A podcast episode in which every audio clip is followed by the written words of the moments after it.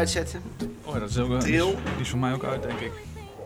Oké. Goed zo. Welkom bij de podcastserie van Kniesportief. Kniesportief is een team met passie voor knie-gerelateerde klachten. Een podcast om jou als patiënt eh, meer informatie te geven omtrent dus een specifiek gebied. In, dit, eh, in deze podcast eh, gaan we het hebben over de patella-luxatie. En wat is dat nou eigenlijk? Nou, de ontwrichting van de knieschijf. We zitten eh, hier in het prachtige Omnium. Bij eh, Tweetal Belevingen zijn we eh, te gast. En we hebben twee fantastische mensen aan tafel zitten.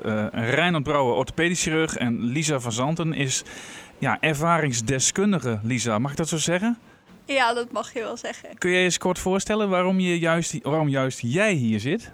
Ehm, nou ja, ik ben Lisa en ik ben op dit moment 22 jaar en ik studeer HRM aan de Hans Hogeschool in Groningen. Ehm, ik zit hier omdat ik bij Kniesportief nu mijn revalidatietraject inga van mijn eh linkerknieoperatie aan het patella. En ik heb drie jaar geleden de operatie gehad aan mijn rechterknie, dus vandaar ervaringsdeskundige. Ervaringsdeskundige. Ja. Reinoud, al happend aan een lekker stukje peer. Ja. eigenlijk hoef jij niet, geen introductie meer. Maar misschien dat er mensen alleen naar deze podcast hebben geluisterd. Maar eh, kun jij eens kort vertellen wat jij eh, allemaal doet eh, in je werkplaats?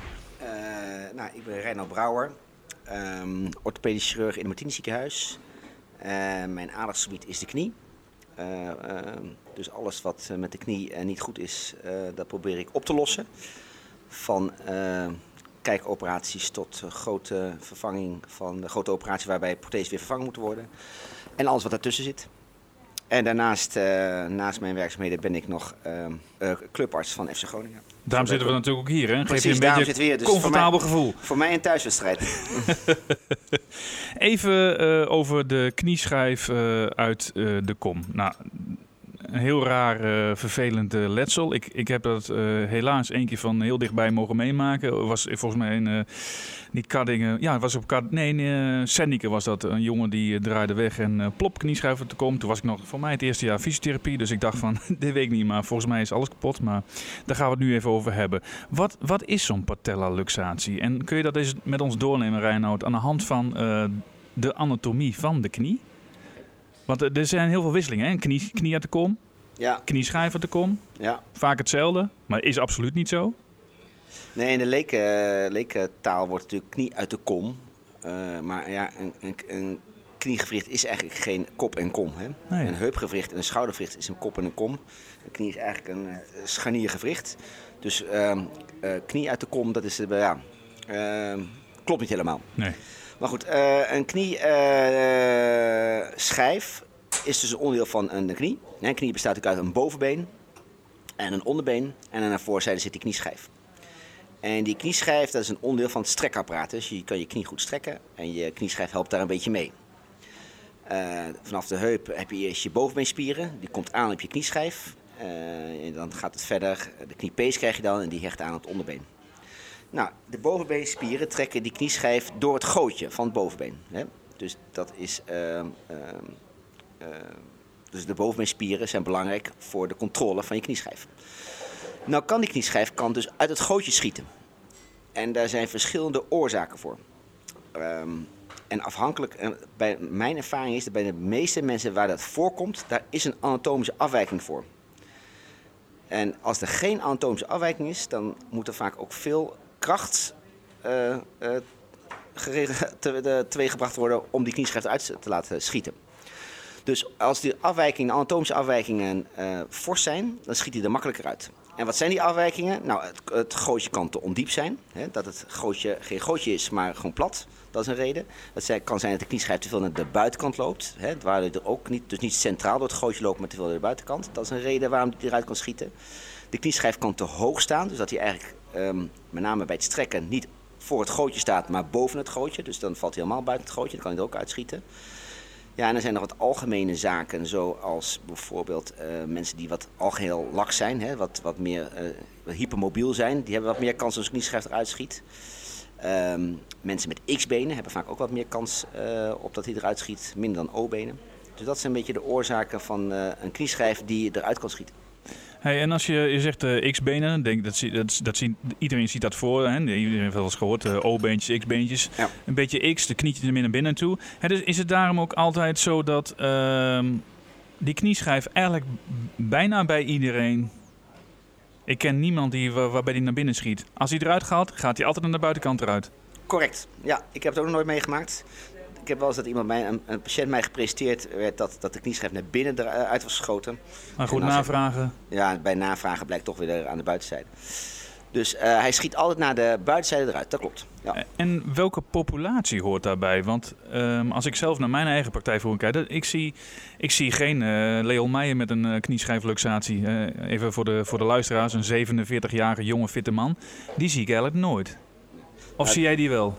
Nou, weet je, het, het, het is, het is vaak, eh, de oorzaak is vaak dus een anatomische afwijking. Hè? Dus eigenlijk een, een eh, eh, wat ik zeg, een knieschijf of een, een, gootje wat te ondiep is. Of de Ja. knieschijf die te hoog staat. Of dat is, dat is spoor. Dus er is altijd wel een afwijking. En vaak komt dat ja, rond de tiener, tienertijd komt dat boven water. Eh, dus met name zijn het de tieners, soms de twintigers. Maar als je wat ouder wordt, dan, dan, dan, dan, als je het niet gehad hebt, dan, dan komt het dan ook niet meer voor. Nee, duidelijk verhaal. Hey, je- kunt ze opsplitsen volgens mij. hè? Wat je net al zegt, je hebt dus iemand die dat aangeboren heeft eh, gekregen. Eh, ehm, een anatomische variant, maar dat hoort er eigenlijk een beetje onder, denk ik. Valt daar, valt daar samen mee. Maar je hebt ook de, de, de traumatische. Mag ik dat zo zeggen of niet? Is dat... Nou, wat ik probeer, net ook probeerde aan te geven. Kijk, hoe groter de afwijkingen zijn, Ja. hoe kleiner het trauma kan Nodig zijn voor de knieschijf eruit schiet. Dus als je verder helemaal normale anatomie hebt, dan moet er een fors trauma zijn Ja. voordat de knieschijf eruit gaat eh, eh, schieten. Schieten. Ja. Want ik kan mij best voorstellen, als je op het voetbalveld staat... Want ik, toevallig heb ik twee van die kazen, maar daar ben ik er wel heel nieuwsgierig naar. Die, die zijn echt met geweld neergehaald, laat ik het zo maar zeggen. Ja. En daardoor is die knieschijf. Maar jij zegt eigenlijk al een beetje van... ja, daar is behoorlijk wat kracht voor nodig geweest. Maar waarschijnlijk, als we de knie goed gaan analyseren... Ja. zien we al wat Vaak risicofactoren waarom dat zo is in de gegaan. meeste gevallen vind je een afwijking wat eh, kan verklaren waarom die knieschijf eruit is geschoten. Stel dat hij eh, er vandaag uitschiet. Hoe, hoe groot is dan zo'n kans dat dat er nog een keer gebeurt? Want dat hoor je heel veel bij patiënten van. Ja, ik ben eigenlijk best wel bang, want het is er een keer uitgegaan. En, hoe, en dan moet ik fysiotherapie doen. Ik noem maar even kort door de bocht. Maar is, Nou, het hangt natuurlijk met name vanaf af van eh, met hoeveel, hoe groot was het trauma dat die knieschijf eruit schoot. Hè? Als bij, so- bij sommige eh, patiënten gebeurt bij, gebeurt bij minimaal iets, schiet de knieschijf ernaast.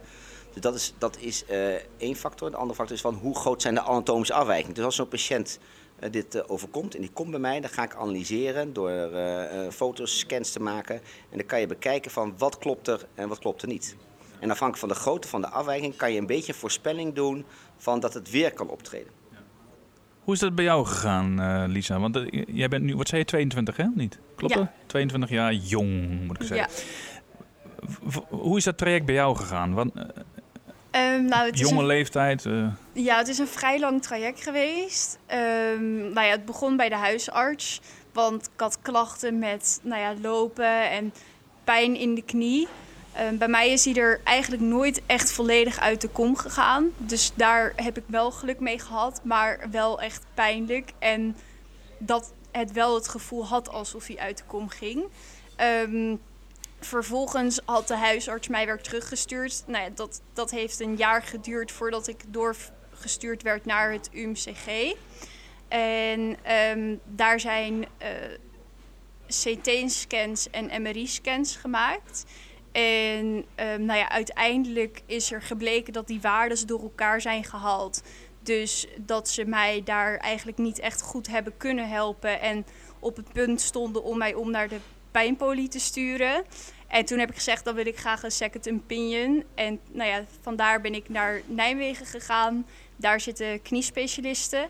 En die hebben toen eigenlijk simpelweg verteld dat de waardes door elkaar verteld waren, eh, door elkaar gehaald waren.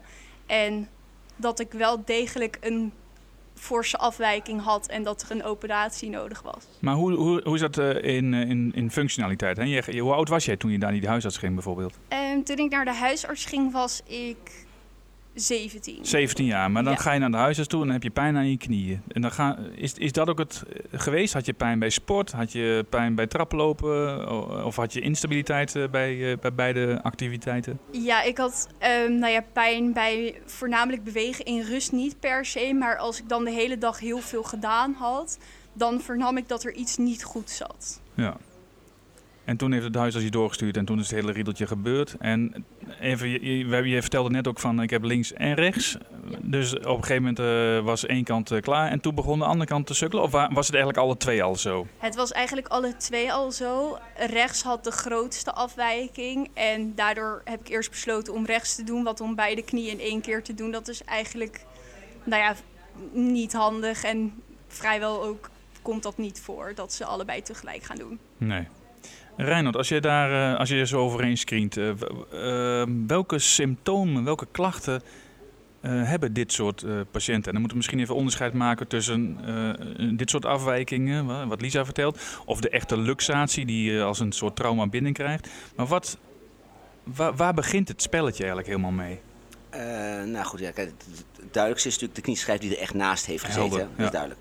Dan heb je daar dus een, een tussenvorm. Dat zijn de, de, de, de patiënten waarbij de knieschijf er een beetje naast schiet, maar wel spontaan weer eh, terugschiet. Dan is dat, ja, nee, dat, dat, dat, dat wordt dan, maakt, maakt dan wat lastiger. Er zijn ook patiënten waar die de knieschijf niet lekker door het gootje spoort. Hè. Die loopt er niet lekker doorheen. Die, die, die, die loopt een beetje door de buitenkant van het gootje. En daarbij zie je soms ook wat de knieschijf een beetje kantelt.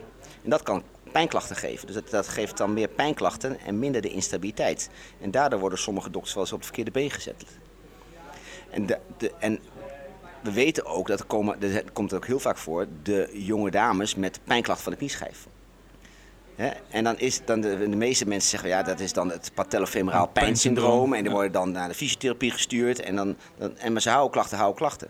En dus als zo'n patiënt bij mij komt en die heeft niet echt een verhaal van instabiliteit, maar wel van pijn, dan maak ik altijd, doe ik dezelfde analyse voor de instabiliteit. Want soms zie je toch wel dat de knieschijf een beetje door de buitenkant spoort, of dat de knieschijf toch een beetje kantelt. En dan is het niet echt de instabiliteit, maar meer de pijn.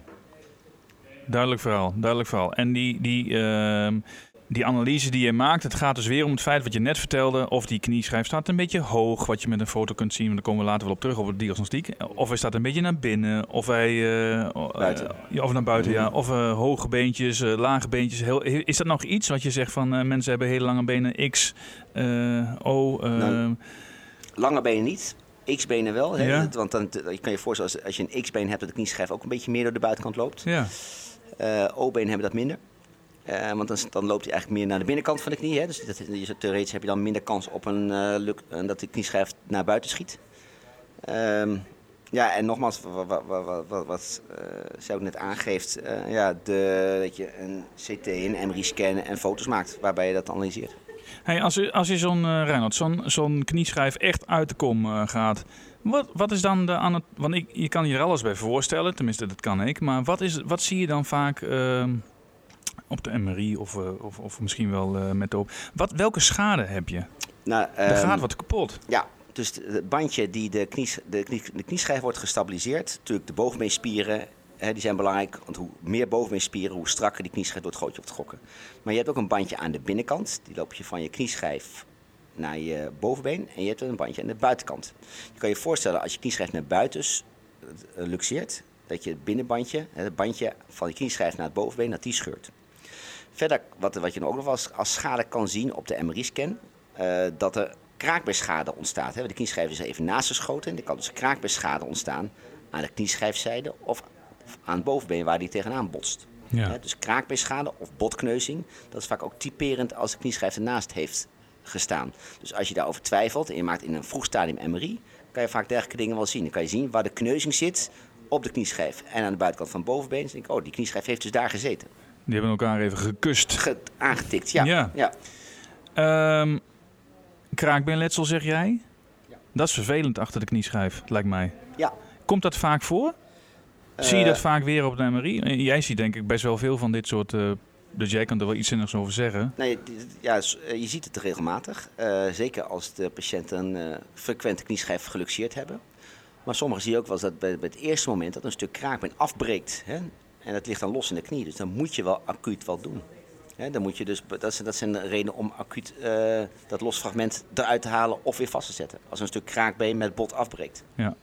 Komt dat vaak voor dat je dat moet doen? Ehm, nou, nee. eh, in de meeste gevallen ge- ge- is het, Gaat het eh, goed? Gaat goed, ja. Ja. Hey, en hoeveel, hoeveel mm, aantallen? Ik- Kun je daar iets over zeggen? Ik heb geen idee hoor. Ik, eh, zie, je- zie je zoveel eh patellaluxaties? Of, of, of net zoveel als in vergelijking met een voorste kruisband? Dat denk ik dan niet. Maar, Nee, het komt, ik, ja, ik, ik, moet, ik denk dat ik deze operatie misschien. maar dan heb je het over pure operatie. Maar als je diagnose stelt, van, want je gaat niet altijd opereren denk ik. Ehm, nou, de meeste patiënten die bij me komen, die hebben vaak al een constitutief traject Ja. doorlopen. Ja, dus dan wel. Ja. Ja. Ja. Eh, dus um, nou, ik, we- natuurlijk opereren niet iedereen. Dus als ze dat niet doorlopen hebben, dan gaan ze eerst nog een constitutief traject eh, in. Hè, goede bovenbeenspieren trainen. Eh, maar ik denk dat deze operatie eh 20, 30 keer per jaar doen. 30 keer denk ik. Of, ja. En je hebt dan verschillende operaties, maar daar komen we denk ik straks wel even op eh, terug. Ja, nee, we gaan nu eerst even lekker eh, verder aan waar Lisa al over begonnen is van de diagnosestellingen. Ehm, hoe, hoe, bij jou weten we het, Lisa, hoe het gegaan is eh, met scans en MRI's. Hoe, hoe, ehm, neem ons eens mee, Reinhard. Hoe, hoe, hoe, hoe doe jij dat? Iemand komt, eh, een fysio stuurt een patiënt in eh, en die eh, ver- verdenking patellaluxatie. Soms weet je het, hè, dan is het heel duidelijk en dan eh, het verhaal is al eh, Mhm. glashelder, maar soms ook niet. Dan stuur ik iemand in naar jou. Wat gaat, neem hem eens mee in de hand, wat gaat er gebeuren? Je Nou, gaat ja, met hem je- praten. Je gaat eerst eh, eh, eh, de, de, de klachten ga je natuurlijk uitvragen. Ehm, en als het een, instabiel, een instabiliteitsverhaal is, dan moet je het altijd even kijken. Is het een instabiliteitsverhaal ten gevolge van een mediaal of een kruisbandletsel, of een collateraal bandletsel of een, of een kruisbandletsel? Of is het een knieschijf die eruit schiet? Dan moet je even uitzien te vragen. Dan moet je eh, ook nog uitvragen of er ook sprake is van pijnklachten. Hè. Eh, sommigen hebben alleen maar instabiliteit, sommigen hebben pijn en sommigen hebben combinatie.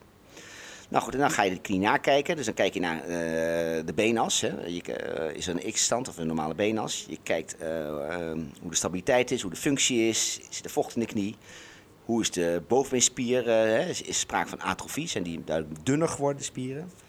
Eh, en verder kijk je naar hoe de knieschijf spoort. Ja, je kan kijken, als je de knie gewoon buigt, kan je kijken hoe die knieschijf door het gootje spoort. En wat een hele goede test is, door even proberen eh, die knieschijf een beetje naar buiten te drukken. Met, met een vinger kan je dat doen. En als mensen dat heel eng vinden, Ja, dan betekent van, hé, hey, dat er is een, een sprake van instabiliteit. Een soort apprehension. Een apprehension test. Dus je probeert eigenlijk die, die, die, die, waar die naartoe luxeert, als je dat dan probeert bij die patiënt eh, te testen, dat vinden ze vaak heel eng. Vind je dat, vond jij dat ook eng? Ja, Ja? ja. ja? Jij hebt die ervaring, denk ik, of niet? Klopt, en bepaalde ehm, nou ja, oefeningen die dan een arts uitvoert om te bepalen wat het is, zijn ook bij sommige mensen pijnlijk. En dat had ik ook, waardoor het ook naar voren kwam. Nee, dus pijn is natuurlijk ook, ook een belangrijke, want de patellofemorale pijnklachten die is ontstaan, wanneer komt de patella en de knieschijf onder druk? Dat is met name bij traplopen, trap af is wat meer dan de trap op. Fietsen geeft vaak meer klachten, lang met gebogen knieën zitten. Maar de meeste eh, patiënten met deze klachten, ja, dan mag je eigenlijk niet aan de knieschijf komen. Nee. Dat vinden ze niet prettig. Nee, dat, eh, een beetje vergelijkbaar met eh, onze pivot shift, denk ik, hè? Van de... Ja, Ja, ja, want dan, soort dan- gelijk. ja, kom- de ja, test voor de kruisband, ja, dan, dan boot je eigenlijk na hoe het letsel is het ontstaan. le- letsel is ontstaan. Ja, dat klopt. Bah. Ja. Hè? Spannend toch, of niet? Ja, dat vinden ze vaak spannend. Ja, dat merk je ook. Dus dat is, dat is een hele subtiele test. Maar dan ben je er bijna al achter Ja. eh, wat het probleem is. Wat is jouw volgende stap dan, eh, i- iemand kijkt je heel spannend aan. In dit geval niet Lisa, maar die patiënt. En, die, die- en jij denkt dan van, ja, het is eh kat in het bakje. Maar dan moet je Ehm, nog iets bewijzen, denk ik. Of Ja, niet? maar ja. dus dan ga je dus kijken van wat is dan de anatomische oorzaak van eh, dat die knieschijf eruit schiet. en dan maak Nou, dan begin je met een röntgenfoto. Met een standaard röntgenfoto kan je eh, natuurlijk grof als screenen wat aan de hand is. En met name kan je kijken hoe hoog de knieschijf staat. Als je een zijlinkse knieschijffoto, eh, knie, kniefoto maakt, kan je kijken hoe hoog de knieschijf staat. En dan noemen we patella alta. Hè. Dan staat hij te hoog, de knieschijf staat te hoog. En dan heeft hij ook meer kans dat die knieschijf eruit schiet. Ehm, Verder kom je dan met de kniefoto niet zoveel verder. Dus dan moet je een MRI of een CT-scan maken. Nou, een CT-scan is heel, kan je heel goed mooi analyseren hoe, de hoe het gootje, eh, eh, of echt een gootje is en hoe diep het gootje is. En je kan kijken hoe ver, eh, of die centraal door het gootje loopt, die knieschijf. Dat kan je daar goed op bepalen. Alleen van een CT-scan weten we, dat laat met name de botstructuren heel goed zien. Maar niet de weken delen en het kraakbeen. Dus als je daar wat meer informatie wil, dan kan je ook een MRI-scan maken. En daar heb je ook meer informatie over botkneuzing, over de kneuzing van het bot, kraakbeen en de banden. Dus eh, over het algemeen vaar ik op een MRI. Eh, en bij twijfel maak ik nog een CT-scan. Maar bij- Voor de ossale, voor de botstructuur. ja. Want soms zie je dat, dat er een, eh, een bandje, dat bandje aan de binnenkant van de knie die de knieschijf stabiliseert, dat die losgescheurd is. En soms zit daar een klein botfragmentje aan vast. En als je dan je wil dan graag weten hoe groot dat, of dat er is en hoe groot dat is, want dat kan je eventueel weer refixeren. Dat weer terugzetten op de knieschijf. En hoe, hoe zie je dat op de... Wat is jouw primaire keuze? MRI? MRI, ja. MRI. Ja. En dan zie je dus iets, blijkbaar wat iets afwijkt, waarbij je, jij twijfelt als orthopeed. En dan ga je de CT-scan inzetten. Moet ik dat zo zien of Ja, niet? nou, eh, ik denk, maar ik denk dat 1 op de 10 keer Ja. eh, maken we alsnog een CT. Met, meer, met de meeste gevallen kom je met een MRI-stand, eh, met een, gewoon een MRI-onderzoek kom je uit. Dan komt de uitslag. Ja. Dan laat je iemand terugkomen. Ja. Diegene komt de kamer binnen. Jij eh, zit daar met een enorme glimlach, eh, want jij weet wat er aan de hand is. Ja, nou, dat, dan, ga ik dus de, de, dan leg ik het uit aan de hand van een model. Het is, het is nogal complex. Hè? Eh, er zijn verschillende oorzaken waarom de knieschijf eruit schiet. En dan leg ik het dan uit aan de hand van een modelletje en een tekening van dit is aan de hand. En dit kunnen we eraan doen. Ja, duidelijk verhaal. Is dat bij jou ook zo gegaan, eh, Lisa? In, eh, in het oosten van Nijmegen? Nijmegen? Ja. ja, dat klopt. Ze hebben, in Nijmegen hebben ze opnieuw röntgenfoto's gemaakt en MRI-scans. En bij mij was geen CT-scan nodig. Zoals Reinoud ook al zegt, dat is één keer op de één van de tien keer. En ehm, nou ja, bij mij wordt dat dezelfde dag geanalyseerd, omdat ik uit het hoge noorden kom, zeggen ze dan. En dan mag ik direct door naar de arts. En nou ja, die legde uit van het is een hele mooie operatie, duurt maar heel kort. En aan de hand van een tekening, eh, nou ja, wa- wat er aan de hand is en hoe ze het op gaan lossen. Dus ja, wel soortgelijk. Vond je, dat, vond je dat leuk? Want ik, weet, ik ken Renan natuurlijk al een tijdje en doet dat ook altijd met een papiertje waar de meniscusscheur zit. Hè? Dat, dat soort dingen. Maar ik hoorde echt, echt een hele bijzondere leuke verhalen over, over, die, over tekeningen. Dat mensen echt betrokken raken bij eh, hetgeen wat jij gaat doen of hetgeen wat je uitgelegd hebt. En, dat hoor ik nu weer, dus dat stemt mij... eh, Ja, het is zeker wel interessant en het zorgt ook zo dat je een beetje weet wat ze gaan doen Ja. en hoe het is. betrokkenheid. Ja, Ja, kijk, als de patiënt inzicht heeft wat, wat, wat daar gaande is, dan begrijpt ze ook beter waarom je de operatie wel of niet doet. Ja. En ja, met een, als je in een knie een kijkoperatie kan de patiënt, eh, als hij onder een rugprik gaat, kan hij meekijken. Maar bij de meeste van deze, eh, de, de operaties voor de knieschijf die eruit schiet, dat zijn vaak open operaties. Dus de patiënt kan zelf niet meekijken. Dus je moet dan van tevoren wel even bespreken van wat we gaan doen. Nu we het daar eh, toch over hebben. De diagnose is gesteld door dokter Brouwer. Dan komt het plan. Welke behandelopties zijn er? En dan moet je twee scheiden. Nou kijk, je hebt dus de, de patiënt die ehm, geen anatomische afwijking heeft. Dus eigenlijk een knieschijf met, met fors geweld is die knieschijf eruit geschoten. En die heeft verder normale anatomie. Dus dan is dat bandje aan de binnenkant is gescheurd. Dat is eigenlijk het enige wat afwijkend is. Dus bij die patiënten kan je dat bandje, noemen wij reconstrueren. Dan maak je van eigen peesmateriaal maak je daar een nieuw bandje. Dat is de patiëntenpopulatie die bij eh, de knieschijf eruit schiet met fors geweld zonder anatomische afwijkingen. Het merendeel heeft wel een anatomische afwijking. En dat is vaak een combinatie van een ondiep gootje en dat de aanhechting te veel van de aanhechting van de kniepees te ver naar de buitenkant zit. Zodat de knieschijf niet centraal door het gootje loopt, maar door de buitenkant van het gootje. En daardoor dat hij er ook naast schiet. Dus dat is een combinatie. Dus we hebben een ondiep gootje en een knieschijf die te ver naar de buitenkant is aangehecht. Dan kan je theoretisch kan je twee dingen doen. Je kan of het gootje dieper maken, Maar dat kan toch niet, Reinoud? dat kan. Of je kan het gootje ophogen aan de buitenkant. Dat kan ook. Of je kan de aanhechting verplaatsen op het scheenbeen. Dus de, de, de knieschijf, en dan heb je de kniepees, die hecht aan op het scheenbeen. Die aanhechting kan je eh, losmaken met een stukje bot. En die verplaats je een beetje naar de binnenkant. Dan zet je daar weer vast met een aantal schroeven. Ik kies altijd voor die laatste operatie. Dan blijf ik buiten het gewricht. Ehm, en dat is voor de patiënt minder belastend. Want ik heb een beetje de theorie, de knieschijf en het gootje, die passen een beetje bij elkaar. Ja. Dus als je het gootje, iets aan het gootje gaat veranderen, past die knieschijf mogelijk weer minder goed. Waardoor je ook weer wat, in de toekomst wat meer kans hebt op slijtage van het gewricht. Hè? Want Ja. dan past het mogelijk niet meer, eh, past het minder goed. Dus ik begin, eh, indien mogelijk, begin ik eigenlijk buiten het gewricht eh, een operatie te doen. En dat is dat de aanhechting te verplaatsen. En nu kijk ik jou aan en denk, ik zie dat helemaal voor mij. Dan denk hè, de tuberositas transpositie, want daar Ja. heb je het eigenlijk over. Hè? Dat, de- maar dan ga je dat gootje ga je. Dus je moet je voorstellen, dus eigenlijk, zijn, eigenlijk is het gewoon een dal. Hè? Van de bergen, twee bergtopjes, een dalletje. Waar, dat is dat gootje waar de knieschijfmotor doorheen loopt. Nou, die van, eh, van Lisa bijvoorbeeld, die stond een beetje meer eh, hoog tegen een bergheuveltje aan.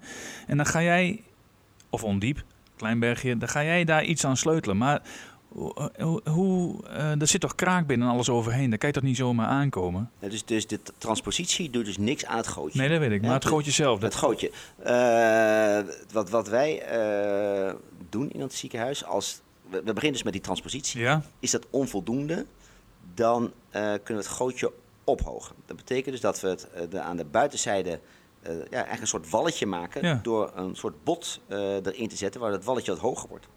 En dat Een komt dan... trochlea-ophoging heet dat. Hè? Je maakt de, de, de, de wal wat hoger, zodat de knieschijf meer moeite heeft om er overheen te schieten. Maar daar zit toch een stukje vloerbedekking over het mooie kraakbeen. En- Ja, en dus je je, je, je, dat is een, een, een techniek waarbij je het eh, net een beetje ophoogt, zodat je het kraakbeen wel intact houdt. Oké.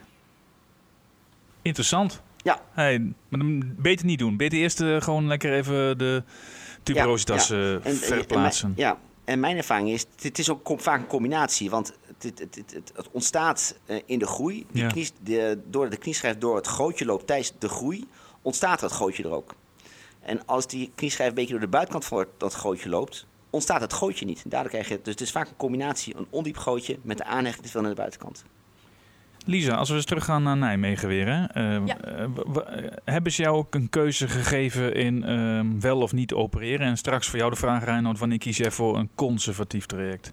Maar Nou ja, ze geven natuurlijk altijd de, opera- eh, de keuze of je geopereerd wil worden. Ehm, maar het was wel zodanig nodig dat het hoe dan ook of toen plaats kon vinden of in de toekomst. Dus wat dat betreft eigenlijk geen keuze, denk ik dan. En, maar, en heb jij nog een poos conservatief eh, eh, getracht om dat traject niet operatief te laten worden? Zeg maar? Dat je, je komt bij de dokter in Nijmegen en die zegt van nou, het is twee opties, je kunnen opereren of niet opereren. Ja, nee, daar heb ik eigenlijk niet meer voor gekozen. Ook omdat ik al zo lang bezig Klachten was. had, ja. En eh, eigenlijk mijn bovenbeenspieren al zodoende sterk waren dat het eigenlijk geen nut meer had. Nee, dat heb ik jou nou net ook horen zeggen, Ren. Ik heb natuurlijk goed opgelet. Jij zegt van ja, de mensen die, die bij mij komen hebben al een traject. Maar kies gehad, zeg maar, binnen, met, met fysiotherapie of, of, of andere dingen. Maar kies je nog wel eens. Je laat altijd de keuze, dat weet ik. Maar kies, kies je wel eens toch even conservatief? Van ik, ik, Nou, het hangt dus eh, af in welk stadium ze komen. Kijk, sommigen komen via, zijn op de eerste hulp gezien. En die komen dan bij wijze van spreken en er wordt dan nog een eh, scan gemaakt of een foto. En die komen, die komen dan bijvoorbeeld na zes weken keer bij mij. Eh, dan komen ze vrij vroeg. Dan zeg ik van nou probeer eerst een conservatief traject. Dus probeer kijken of het zonder operatie lukt. Wat ik daar wel in meeneem is van hoe groot zijn de afwijkingen die we vinden bij een aanvullend onderzoek in de vorm van een MRI-scan of een CT. Als die afwijkingen heel fors zijn, ja, dan weet je bijna dat het, nog, dat het weer eh, fout kan gaan. Dat de kans dat het weer gebeurt is dan groter. Dus da- daar bepaal ik wel een beetje mijn keuze eh, in een conservatief of een operatief eh, beleid. beleid. En als ik dan even dat weer vergelijk met die fantastische kruisband. Hè? Mhm. Je schudt je kruisband af, conservatief proberen, maar je gaat er weer doorheen. En dan eh, zeg ik altijd, en dan mag je me corrigeren als jij denkt dat het anders is. Het secundair letsel vind ik altijd erger dan het primaire letsel. Omdat die kruisband het niet meer zit, er rent niet meer af. Dus je hebt meer schade. Is dat bij dit soort dingen ook zo? Of niet? Dat je je, je knieschijf luxeert, je komt bij dokter Brouwer... En die zegt van, nou, nou maar even proberen conservatief te blijven. Kijken of dat werkt. En legitiem volgens mij. En dat hij er dan weer uit tikt. Nou ja, je hebt er, als je, kijk, elke keer dat de knieschijf ernaast schiet, heb je kans op schade. Ja. Maar goed, een operatie is eh, ook niet niks. Hè? Dus ehm, ik denk dat zeker als de anatomische afwijkingen mild zijn, dat je zeker eerst voor een constructief traject moet gaan. Ja, duidelijk. Duidelijk verhaal toch, of niet? Ja. Ja. Ja. We gaan even een kopje koffie drinken, Reinoud. Wil je er nog even een, eh, een mooi muzieknummertje inklappen? Of zeg je van, eh, nou, ga maar in één keer door, Leon? Eh, voor mij mag je door, maar eh, wat- wat- als jij even wil plassen dan... Ja, ik moet even, ik ben natuurlijk al de 47 ongeveer, dus... eh, negrona linda,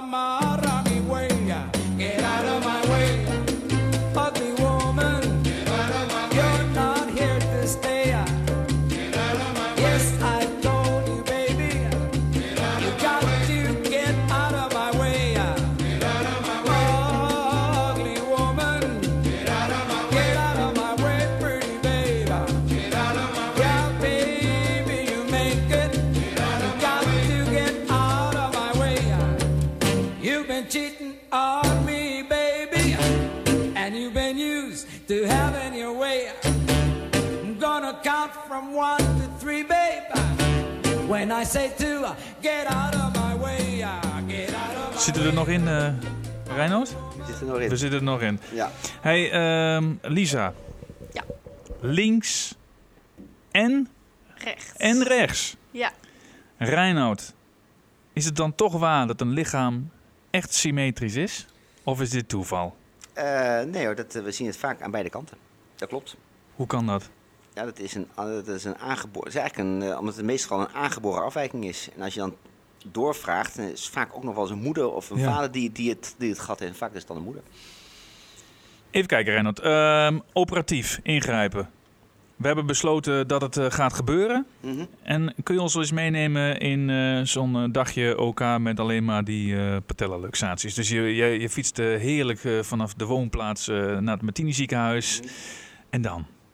Handjes wassen, Ehm, nou, ehm, patiënt welkom heten. ja, welkom heten. Dan doen wij een time-out, zoals het heet. Hè. Dus we we bespreken met het hele team, inclusief de anesthesist en de, de verpleegkundige van de anesthesist en van de operatieafdeling.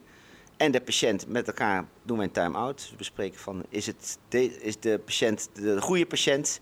En wat gaan we bij deze patiënt eh, doen? Eh, hebben we alle spullen? Eh, nou, dan gaan we aan de slag. En daar is de patiënt ook actief bij. Dus het is, ja, de- en als da- daar ergens iets niet, ge- niet goed is, ja, dan moeten we weer terug. Dus dan gaan we niet verder. Nee, maar je triggert mij wel even. Je zegt eh, eh, de goede spullen. Want heel veel mensen denken volgens mij dat jullie een schroevendraaier hebben en een hamer. En daar moet je het mee doen. Maar dat is absoluut niet zo. Hè? Voor elke operatie is een, is een speciale set. Hè? Klopt. Ja, voor elke operatie heb je een speciale spullen nodig. En dat kan zijn van een eh, bepaald schroefje of een bepaalde zaag of een eh, bepaalde kijker of een bepaalde hechting. Eh, Dat, dat klopt. Ja. Ehm, en heel veel is natuurlijk wel standaard en volgens protocol. Dus van elke operatie weten we wat we nodig hebben. Maar soms heb je toch net iets anders nodig. Of ja, dat moet je dan wel even melden bij het time-out, dat die spullen er wel allemaal zijn. ja. En dan? Nou, dat hangt natuurlijk vanaf, vanaf wat, welke type operatie we gaan doen. Maar als wij die transpositie gaan doen, dan Ja. hebben wij dus een, een, een zaag nodig. Dat meen je niet. Ja? Ja, want we zagen die aanleg van die pees, zagen we, ehm, eh, die, die pees maken we los met een stukje bot. Eh, en die verplaatsen we een beetje naar de binnenkant. Dus dat is eh, voor, de, voor de luisteraars. eh, als je nu met je hand over je bovenbeen heen glijdt, over je knieschijf, dan kom je een bobbeltje tegen. Als je Ja. vroeger heel veel gesport hebt, ja, dan, dan, dan is hij wat prominent aanwezig. Klopt. Dat ding haal jij los Die zagen wij los en die verplaatsen we een beetje naar de binnenkant. Naar de binnenkant. Ja. Ehm, en die zetten we dan weer vast met een, twee of drie schroeven. En die moet natuurlijk eerst even voorgeboord worden. Voor die schroef die kan je niet zomaar in het bot draaien. Dus dan eh, we zagen hem los, we verplaatsen hem en we zetten hem dan vast met eh, twee schroeven. Goed vrijstalen schroeven. Ja. En die gaan er later weer uit? Maar eh, als, ik- als ik jou zo hoor praten, dan is het eigenlijk gewoon kat, en, kat en bakkie, kleine operatie, kwartier tijd. Het is ook niet een hele grote operatie, dat klopt. Alleen voor de patiënt is het natuurlijk wel even een, eh, een, dingetje. eh, een dingetje. Want die moet natuurlijk daarna weer eh, herstellen. Dat, die, moet, eh, die, die aanhechting moet, dat botfragment moet weer vastgroeien. Dus je kan een zes weken kan je eigenlijk niks. En daarna, als dat vastgoed is, moet je weer gaan oefenen. Dus die zijn toch wel zo'n maandje drie onderweg. Maar goed, dat, eh, ehm, eh, de operatie op zich voor ons is niet zo groot. En afhankelijk van hoe ver die eh, naar buiten eh, aangehecht is, zo, dat kunt we, hebben ook van tevoren op de MRI hebben dat bepaald, zoveel verplaatsen we dan ook naar de binnenkant. Hè? Maar, maar is dat met een... eh, ik, ik ga nu gewoon... mijn vader is natuurlijk timmerman. En die, die, die zegt dan van ja, dat zegt hij wel. Maar hoe heeft hij dat uitgemeten dan? Dat kan je, dat, op het oog kan je het gewoon, je kan het gewoon meten. Ja? ja dus het, een aantal millimeters verplaatsen. Dus of dan, dat is het, millimeters. Niet, Ja, net, ja. Nou, ja, je verplaatst hem gemiddeld zo'n een centimeter naar binnen, denk ik. ja. Ja, maar soms is die knieschijf, als de knieschijf ook te hoog staat, dan verplaats je hem ook een beetje naar onderen. Dus dan maak je hem helemaal los en dan verplaats je hem ook nog iets naar onderen. Dus je kan hem naar binnen verplaatsen, maar ook naar verderop het scheenbeen, zodat hij ook wat eh, lager komt te staan. Hè? Dus dan haal je de knieschijf ook een beetje naar beneden. Dat kan ook nog. Hey, en je zaagt dat eh, stukje tuberositas eraf. Za- Zaag je los, ja? Zag je los, ja. En dan zet je hem gewoon ergens neer of schraap je dat? Of hoe, want ik heb wel eens gehoord als je twee stukken bord op elkaar zet, dan moet je ook een beetje krassen. Zo een beetje, want Nee, nee, want... eh, dan groeit lekker vast dan. Nee, of nee, die want- schroeven doen werk. Omdat het, dat het vers is, eh, is dat, eh, hoef je het niet eh, eh, op, te, op de ruw of zo. op te ruwen. Nee, nee, dat kan je gewoon verplaatsen. En, dus, eh, en weer vastzetten. Hey, en dan eh, zet je dat vast. En eh, dan is het sluiten? Of ga je nog Eh, verder een rondje knie doen? Nee, denk ik niet. Want nee, je hoeft niet gewicht te zijn. In principe bij deze operatie haal je het bandje aan de buitenkant haal je ook nog los. Dus je hebt een bandje, aan- dat bandje aan de binnenkant wat scheuren. Dat bandje aan de buitenkant die, eh, die maak je los, zodat de knieschijf ook, dat je de knieschijf ook kan verplaatsen. Dus Heel duidelijk. dat- ja, dat- want je hebt een medial retinaculum. Metina- medial retinaculum, Binnenkant. en die scheurt dus als je knieschijf naar buiten gaat. ja. En dat bandje aan de buitenkant, eh, die scheurt dus niet. Nee. Maar die maak je dan, wat, die maak je dan los. Zodat de knieschijf ook die, niet daar niet meer eh, geen weerstand heeft. Is dat omdat jij eh, vindt dat die knieschijf dan niet eh, makkelijk weer naar, naar Dat, buiten wordt- dat is een onderdeel van de Ja, operatie eigenlijk. Dat is ja. een methodiek. Ja, je ja, ja, want dan kan je voorstellen als je de aanhechting verplaatst, maar dat bandje aan de buitenkant maak je niet los, dan gaat die knieschijf ook minder goed verplaatsen. ja. Dus dat zijn twee dingetjes. En dan is het sluiten? Met hechtingkies? Ja, dan maak je, dan maak je in principe het onhuidse vetweefsel heg je en dan de huid. En dan eh, is. Drukverbandje. drukverband. Tot ziens. Eh, dan gaan ze, bij ons blijven ze altijd één nachtje. En afhankelijk van de operatie en de fixatie krijgen ze eh, zes weken een gipskoker of een achterspalk of een brace. Waarom blijven die mensen een nachtje en bijvoorbeeld een kruisband niet? Of is de kruisband ook bij jullie een nachtje? Nou, Afhankelijk van wanneer natuurlijk, maar... Eh, tijdstip op de dag. Meer service eigenlijk. Hè? Want kijk, als men pijn heeft, dan is dat. eh, je kan je voorstellen dat het wel pijn kan geven, zo'n type operatie. Ehm, en als je dat in het ziekenhuis hebt, kunnen we daar beter op inspelen dan eh, als patiënt naar huis gaan. Maar ik, er zijn zeker mensen die eh, dezelfde dag nog naar huis kunnen. Je- Hetzelfde geldt voor een kruisbandoperatie ook. Ja, dat maakt eigenlijk geen verschil. Eh, nou, het is wel een ander type operatie, maar ook die, men, ook die mensen kunnen, die kunnen bij spreken, een deel kan dan gewoon in dezelfde dag weer naar huis. Ja. Maar het is met name service dat, ze- dat ze een nachtje kunnen blijven. Heerlijk, hè? Of niet? Heb Ja. je- was het bij jou ook zo? Ook een nachtje gebleven bij beide operaties, ja. En wat was jouw ervaring? Want ik kan me ook voorstellen, je, bent lekker wezen slapen, Lisa. Hè? Nou, ik heb niet geslapen tijdens de operatie.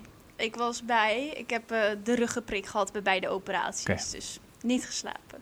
Maar dan, dan kom je op een gegeven moment op de kamer waar je uit moet rusten. En wat, wat, eh, wat gebeurt er dan? Hoe, neem ons eens mee. Wat, eh, komt er dan pijn? Is er, zeg je van nee, er is helemaal geen pijn geweest? Of? Ehm, nou ja, de patiënt krijgt voordat hij überhaupt naar de anesthesist, et cetera, gaat, voordat hij opgenomen wordt, krijgt hij twee paracetamol, uit mijn ervaring een diclofenac en een morfine, zodat de pijn, eh, zodat de medicatiespiegel al een beetje op peil komt.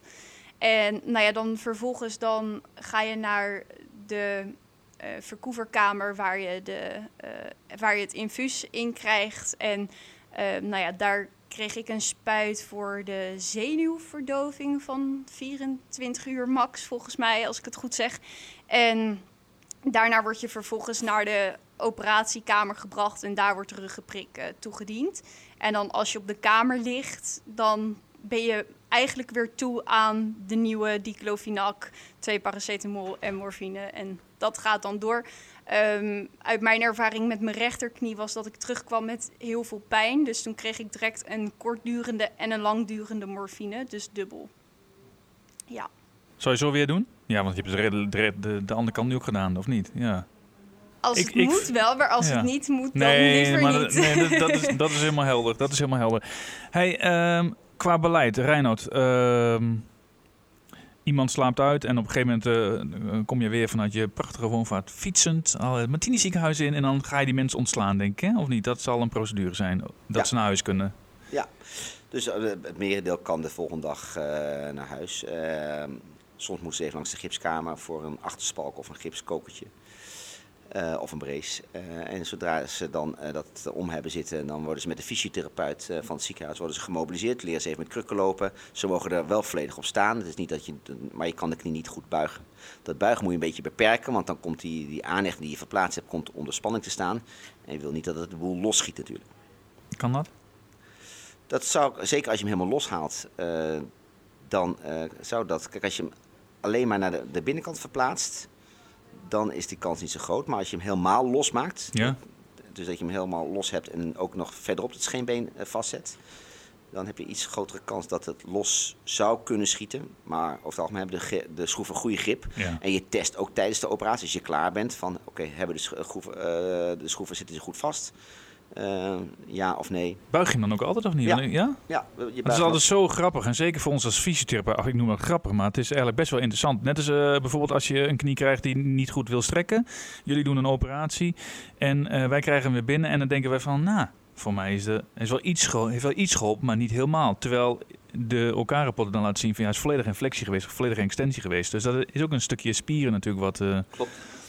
En pijn natuurlijk. door En pijn, inderdaad. Eh, Maar wij, wij testen hem dus. We kijken, eh, hoe kijken dan, dan beoordelen, wij, beoordelen wij het of het in principe oefenstabiel is. Ja, functioneel. Dus dat, men- ja, Ja. dat mensen functioneel nabehandeld kunnen worden.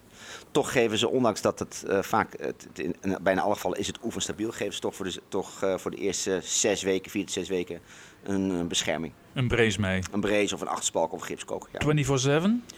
Nou ja, gipskoker die, die, die, die, die, eh, ja, die, die, die kan je er vaak niet afhalen. Maar een Nee. achterspalk die kan je bij wijze van spreken, die zou je eraf kunnen halen eh, voor de nacht. Ja. Of als je op de bank zit.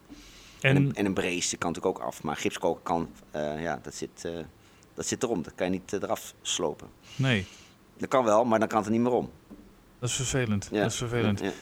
Eh, Lisa, voor jou geldt hetzelfde eigenlijk. Hè? Zes weekjes eh, heb jij zo'n brace om en daarna ga je weer lekker eh, mobiliseren. Wat, wat, uh, Reino, neem, eh, wat schat je in wanneer iemand na dit soort, eh, een 22-jarige jonge dame, wanneer zijn we functioneel eh, op orde? Hè? Is dat, eh, kijk, die kruisbanden, dat is natuurlijk mooi geprotocoleerd. Mhm. Maar dit is altijd anders, net even anders. Is, kun je hier wat zinnigs over zeggen wanneer iemand weer return to play is?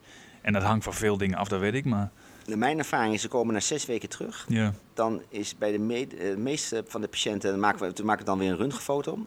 Is het vastgegroeid, dan kunnen we, eh, ze- dan kunnen we intensief met fysiotherapie starten. Dus wat moet je dan doen? Want het, been heeft natuurlijk een tijd lang in strekstand gestaan. Dus de, de buigen is, eh, moet weer op gang komen. En je zal zien dat je enorm veel spiermassa hebt ingeleverd.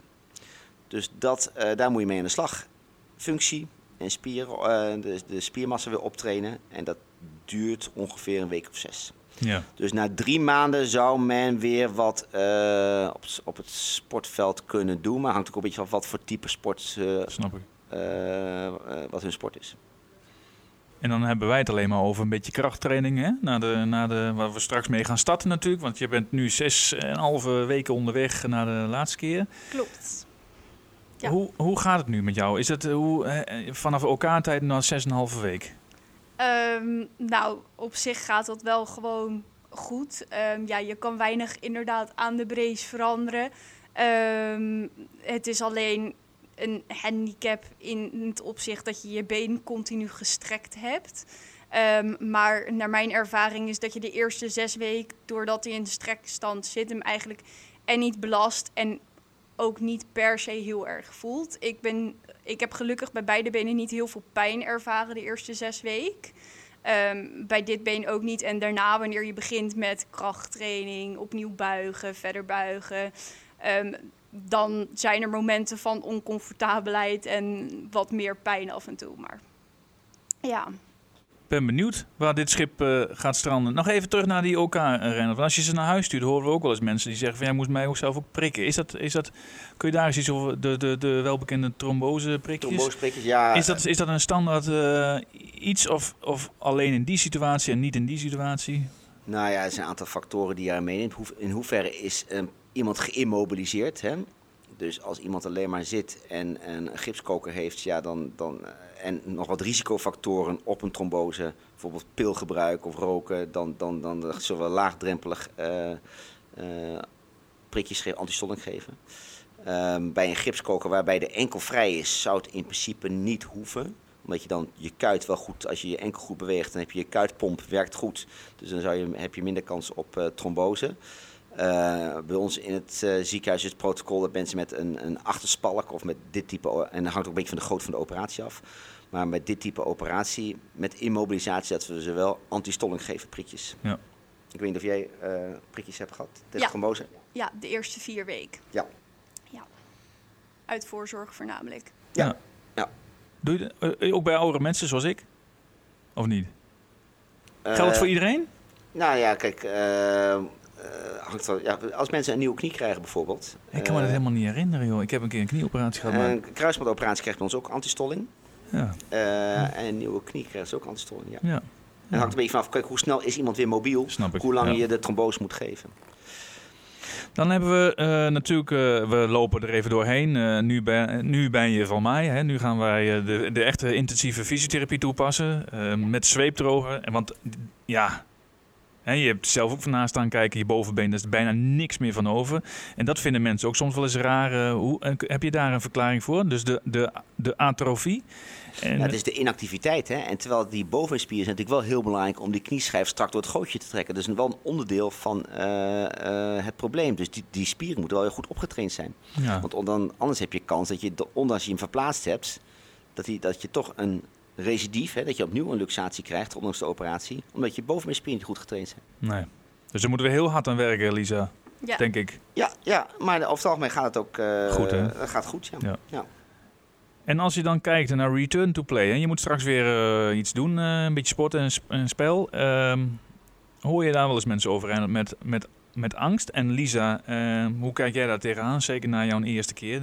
Je hebt nu geleerd van de eerste keer natuurlijk. Maar Ehm, ja, de eerste keer ging bij mij vrij vlot. Ook omdat ik eigenlijk geen pijn ervaarde, vond ik zelf ook wel dat ik meer dingen kon doen. Ehm, maar zoals Reinoud aangaf, is het meestal drie maanden voordat je weer een beetje je sport beoefent zoals je hem beoefend hebt, maar dan nog niet met de kracht en de conditie die je ervoor had. Ehm, maar ik hoop wel dat ik weer met drie maanden op het paard kan zitten, net zoals Ja. de vorige keer. nou, dat gaat Ja. vast lukken. Is natuurlijk ook een heel ander verhaal, Lisa, dan de echte patella luxatie. Dat je dat moment in je hoofd hebt zitten dat die knieschijf eruit, eruit tikt. Hè? Want daar hebben we het nog niet ex- expliciet over gehad. Maar als er iemand hier nu buiten op dat prachtige voetbalveld van eh, FC Groningen eh, een patella luxatie krijgt, die gaat er niet altijd weer vanzelf in, hè? Niet altijd, maar het is wel. ehm, eh, reponeren is bij zo'n knieschijfluxatie makkelijker dan bijvoorbeeld een schouder die uit de kom is. Dus vaak, eh, met mijn ervaring is als je de knie gewoon strekt en je doet even de knieschijf een beetje weer naast de goede plek, Ja. dan schiet hij vaak alweer terug. En bij de meeste patiënten wat je hoort van dat de knieschijf eruit lag, maar in de ambulance op weg naar het ziekenhuis is die al vaak weer gereponeerd. Dus de kniestrek is vaak belangrijk. Ehm, en dan de knieschijf weer in de goede richting duwen. Dan kan je dat ook als ehm fysiotherapeut de knieschijf weer even terugzetten. ja, is dat zo? Ja? Ja. Ja. Ik, ik, ik, ik, ik heb het één keer gedaan, wat ik al vertelde op, dat was in, eh op Ik vond het allemaal wel spannend. Ik was ook meer bang dat hij mij ging slaan dan... eh, omdat hij... Die had zoveel pijn. Ja. Die lag gewoon te kermen in een rondje op het basketbalveld. Ja. En Maar je zal zien als die knieschijf er weer in zit, dat Is is, dan, rustig? Dat, dat is een stuk minder pijn hebben. ze een ja. beetje wit, een beetje vegetatieve reactie. Ja. Bah. ja, dat klopt. We zijn volgens mij een beetje aan het eind eh, gekomen. Ehm, al, wil ik nog één punt aanhalen en dat is eh, die angst. Want eh, dat vroeg ik net aan jou, maar ook aan Lisa. Maar Lisa heeft niet datzelfde luxatiemoment. Ik, ik kan me ook best voorstellen dat als jij één keer zo'n knieschijf uit de kom hebt gehad, dat je daar in, in return to play, dat je daar weer wat... Hoor je daar wel eens iets over of zeg je van nee Leon, dat gaat eigenlijk altijd wel goed. Ik heb daar... Nou, je hebt natuurlijk wel kans op recidief, dat het nog een keer gebeurt. Nee, maar die Op- op- angst, hè, dat je ja, daar... dat, dat, dat valt mij heel erg mee. Dat Ja. als het één keer, eh, maar dat, dat merk je ook wel mensen met kruisbanden. Zeker jonge mensen, als je een kruisband scheurt en je zet dan daarna een nieuwe kruisband erin, dan zijn ze het na eh, één of twee jaar ook bijna weer vergeten. Ja, Dus vaak als het nog een keer gebeurt, een tweede keer, ja, dan gaan ze denken, hé, hey, oké, dat kan dus nog een keer gebeuren. Terwijl de eerste keer, dan denken ze, oké, dat is eh, oké, opgelost. Eh, ik ga En weer- door. En door. Zo is het. En als het dan nog een keer gebeurt, dan, dan gaan ze zich realiseren... oké, het kan dus ook nog een keer gebeuren. Nou, volgens mij eh, hebben we een hele informatieve en een redelijke volledige eh, podcast nu opgenomen voor wat betreft de patellaluxatie. Dan moet ik altijd afsluiten met de gouden tip van Reinoud. En in dit geval ook het advies van eh Lisa. Reinoud, wat, zijn we nog dingen vergeten? Of zeg je van, dit moet je nog even noemen? Nou ja, we hebben natuurlijk, zijn, we zijn met name over de transpositie hebben we het met name over gehad. eh, qua operatieve behandeling, omdat dat natuurlijk het meeste gedaan wordt. Maar goed, die andere operaties, eh, ja, die komen minder vaak voor. Dus die hebben we niet echt eh, besproken, maar dat is ook prima zo. Ehm, het belangrijkste is ook dat de patiënt gewoon daarna ook goed weer optraint. Ja. Hè? Dus, en dat ook onderhoudt. En sommige mensen die vergeten dat dan weer, of die zeggen van, nou, ik ga, ehm, ik zeg, heb je fysiotherapie? Eh, en dat geldt, geldt voor de, de, de, de ge- geopereerde en niet geopereerde patiënten met dit probleem. Die zeggen van, ja, nee, ik heb fysiotherapie. En die gaan dan twee keer of één keer per week een half in een fysiotherapeut. Die zegt van, dat, dat is het. Ik heb het weer gedaan. Ja. Maar uiteindelijk moet je die oefeningen thuis regelmatig doen. En de fysiotherapeut moet eigenlijk controleren of jij de goede oefeningen doet. Uitvoeringsvorm. en de Vergelijk dat met de tandarts. De Ja. tandarts, die, je moet zelf poetsen, maar de tandarts die, die controleert of jij goed poetst. Ja. Ja, en dat vergeten sommige patiënten wel eens. wat- Dat, dat ze denken van, nou, ik ben bij de fysiotherapeut geweest, ik ben weer klaar voor deze week. Snap ik. Een beetje coachende rol ook, hè, daarin. Ja, zeker. Dus dat is belangrijk. eh, eh, eh, want alleen een operatie, en dat geldt voor heel veel operaties, maar met name voor dit type operaties, de revalidatie en de motivatie van de patiënt is zeer van belang. Lisa, wil je daar nog wat aan toevoegen? Ehm, nou, ik denk dat bij het begintraject dat je gewoon moet vertrouwen op je eigen gevoel. Als jij vindt dat er iets mis is en een huisarts bijvoorbeeld niet, probeer daarin wel echt naar je gevoel te luisteren. En met het natraject sluit ik me volledig aan bij uh, Reinoud. Kijk, wijze man, wijze woorden. Hè? Er was er weer een, Reinoud. Ja, dat was er weer een. Ik wil eh, jou ontzettend bedanken voor je komst en voor je bijdrage. Lisa, voor jou ook eh, geldt hetzelfde. Super dat je er was en eh, dat je op het laatste moment nog even, een weekje geleden. maar ik denk, deze kaas laat ik niet schieten. Dit moet er gewoon bij horen. Ehm, en daarvoor hartelijk dank. Ik wil de catering hier van ehm, tweetal caterings heel veel bedanken voor hun lekkere koffie en glas water. Jorn bedankt. Ehm, en mensen bedankt voor het luisteren. En hopelijk hebben jullie er wat aan. En eh, tot een volgende keer. Cause when I frequent the spots that I'm known to rock, you hear the bass from the truck when I'm on the block. Ladies, they pay homage, but haters say Dre fell off. How? My last album was The Chronic. They wanna know if he still got it. They say raps change. They wanna know how I feel about it. You ain't up on pain. Dr. Dre is the name, I'm ahead of my game. Still puffin' my leaf, still with the beats. Still not loving police. Rock my khakis with a cuff and a crease. Still got love for the streets, reppin' 213. Still the beats bang, still doing my thing. Since I left, ain't too much change. Still, I'm representing for them gangsters all across the world. still, Hitting them corners and them lolos, girl. still taking my time to perfect the beat. And I still got love for the streets. It's the I'm representing for them gangsters all across the world. Still, Hitting them corners and them lolos, girl. Still taking my time to perfect the beat, and I still got love for the streets. It's the DR. Since the last time you heard from me, I lost some friends. Well, hell, me and Snoop we dipping again. Kept my ear to the streets. Signed Eminem. He's triple platinum, doing 50 a week. Still, I stay close to the heat. And even when I was close to defeat, I rose to my feet. My life's like a soundtrack I wrote to the beat. Street rap like Cali weed. I smoke till I'm sleep. Wake up in the AM, compose a beat. I bring the fire till you're soaking in your seat. It's not a fluke, it's been tried, I'm the truth. Since turn out the lights from the world class wrecking crew, I'm still at it after mathematics. In the home of drive-bys and acmatics, swap meets, sticky green and bad traffic. I dip through, then I give you the I'm DRE. representing for them gangsters all across the world. Still, Hitting them corners and them lolos, girl. still taking my time to perfect the beat, and I still got love for the streets. It's the I'm DRE. representing for them gangsters all across the world. Still. Hitting them corners and them lolos. Still taking my time to perfect the beat, and I still got love for the streets. It's the DRE. My niggas crooked though it seems. My every single thought is caught up in collecting cream. A made nigga,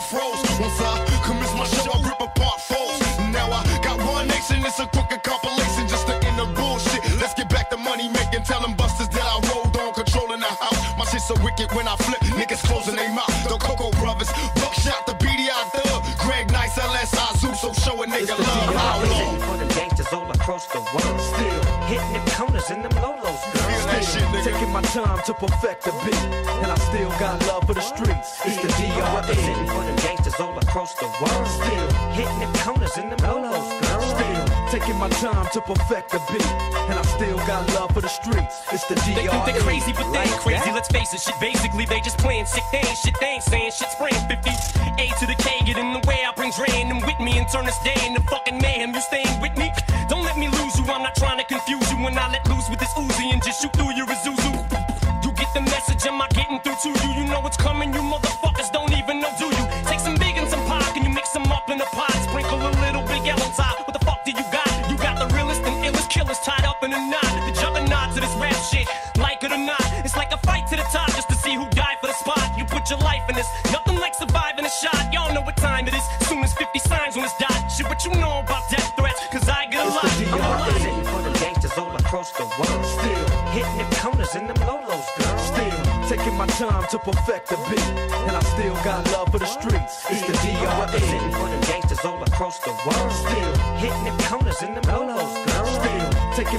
Time to perfect the beat, and I still got love for the streets. It's the DRE. Coming out your stereos. Hard to tell though, cause I switched the flow. Eyes a little low, cause I twist the jaw. Pockets on swell, cause I moved the O's. My neck, my wrist, my ears is froze. Come get your bitch, she on me, dog. She must have heard about the dough. Now, to come on and save a hoe. I get it crump in the club, I'm off the chain. Number one on the chart all the time, man. I turned it out. Keep the dance floor packed, that's without a doubt. But shorty shake that thing like a pro, man. She backed it up on me, I'm like, oh man. I got close enough to her so I knew she could hear. System thumping, party jumping, I said loud and clear. It's the Representing for them gangsters all across the world. Still hitting them corners in them lolos, girl. Still taking my time to perfect the beat, and I still got love for the streets. It's the Representing for them gangsters all across the world. Still hitting them corners in them lolos, girl. Taking my time to perfect the beat, and I still got love for the streets. It's the DRE. up on fools with a quickness, and they got no cure for this sickness. I get paid for the way that I kick this, like a G-star, an OG star. Uh, who's that? A real player named Easy, and I live my life straight crazy. Don't need no punk fools paying me, and broke groupies and hoochies don't phase me. I take two steps back and release myself to put platinum and gold on a record shelf. I don't brag, but I tell it like it straight up is. Before you do a record, partner, handle your business, and don't get caught slipping on the under, or you might wonder. What's up on them ends, G? I call a spade a spade and get paid. G shows the way, so I give love it's the to DRE. him. Representing for them gangsters all across the world. Still hitting the corners in them lolos, girl. Still taking my time to perfect the beat, and I still got love for the streets. It's the DRE. for the gangsters all across the world. Still hitting taking my time to perfect the beat, and I still got love for the streets. Check It's the my dangerous DRE. slang, atrocious. When I let these nuts hang, focus, it's Wu Tang. What the fuck's a hoodie and the blowfish? I wave my black flag at the roaches who approaches these twin super soakers who have poisonous darts for culprits. Too late to get your blowgun unhosted. You're left butted up and lightly toasted. So what? I drink and smoke too much. So what? I cuss too much. Yo, Shut the yo, fuck now when we roll, you motherfuckers tucking your gold. Cause for the platinum, I'm jacking niggas up and limos.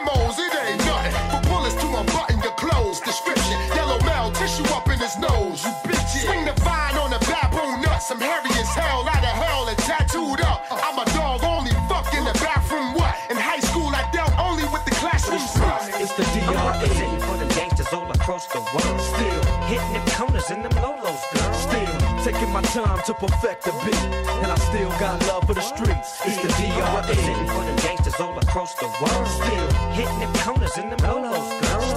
Taking my time to perfect the beat. And I still got love for the streets. It's the DRE. pump up the Like Phillies that? and pass the stout. Make it quick, money grip, blow your asses out. In a street brawl, I strike men quicker than lightning. You seen what happened in my last fight, friend? I then. L's a clever threat, a lyricist who never sweat. Comparing yourself to me is like a binge to a Chevrolet. And clown rappers, I'm bound to slay. I'm saying hi to all the cuties from around the way. Yeah, cause I got all of them strong, Jack. My girls are like boomerangs, no matter how far NYC. I'm down with digging in the crates and I'm MVP.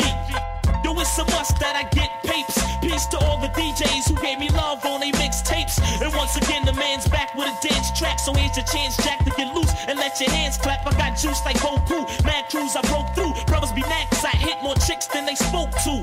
And every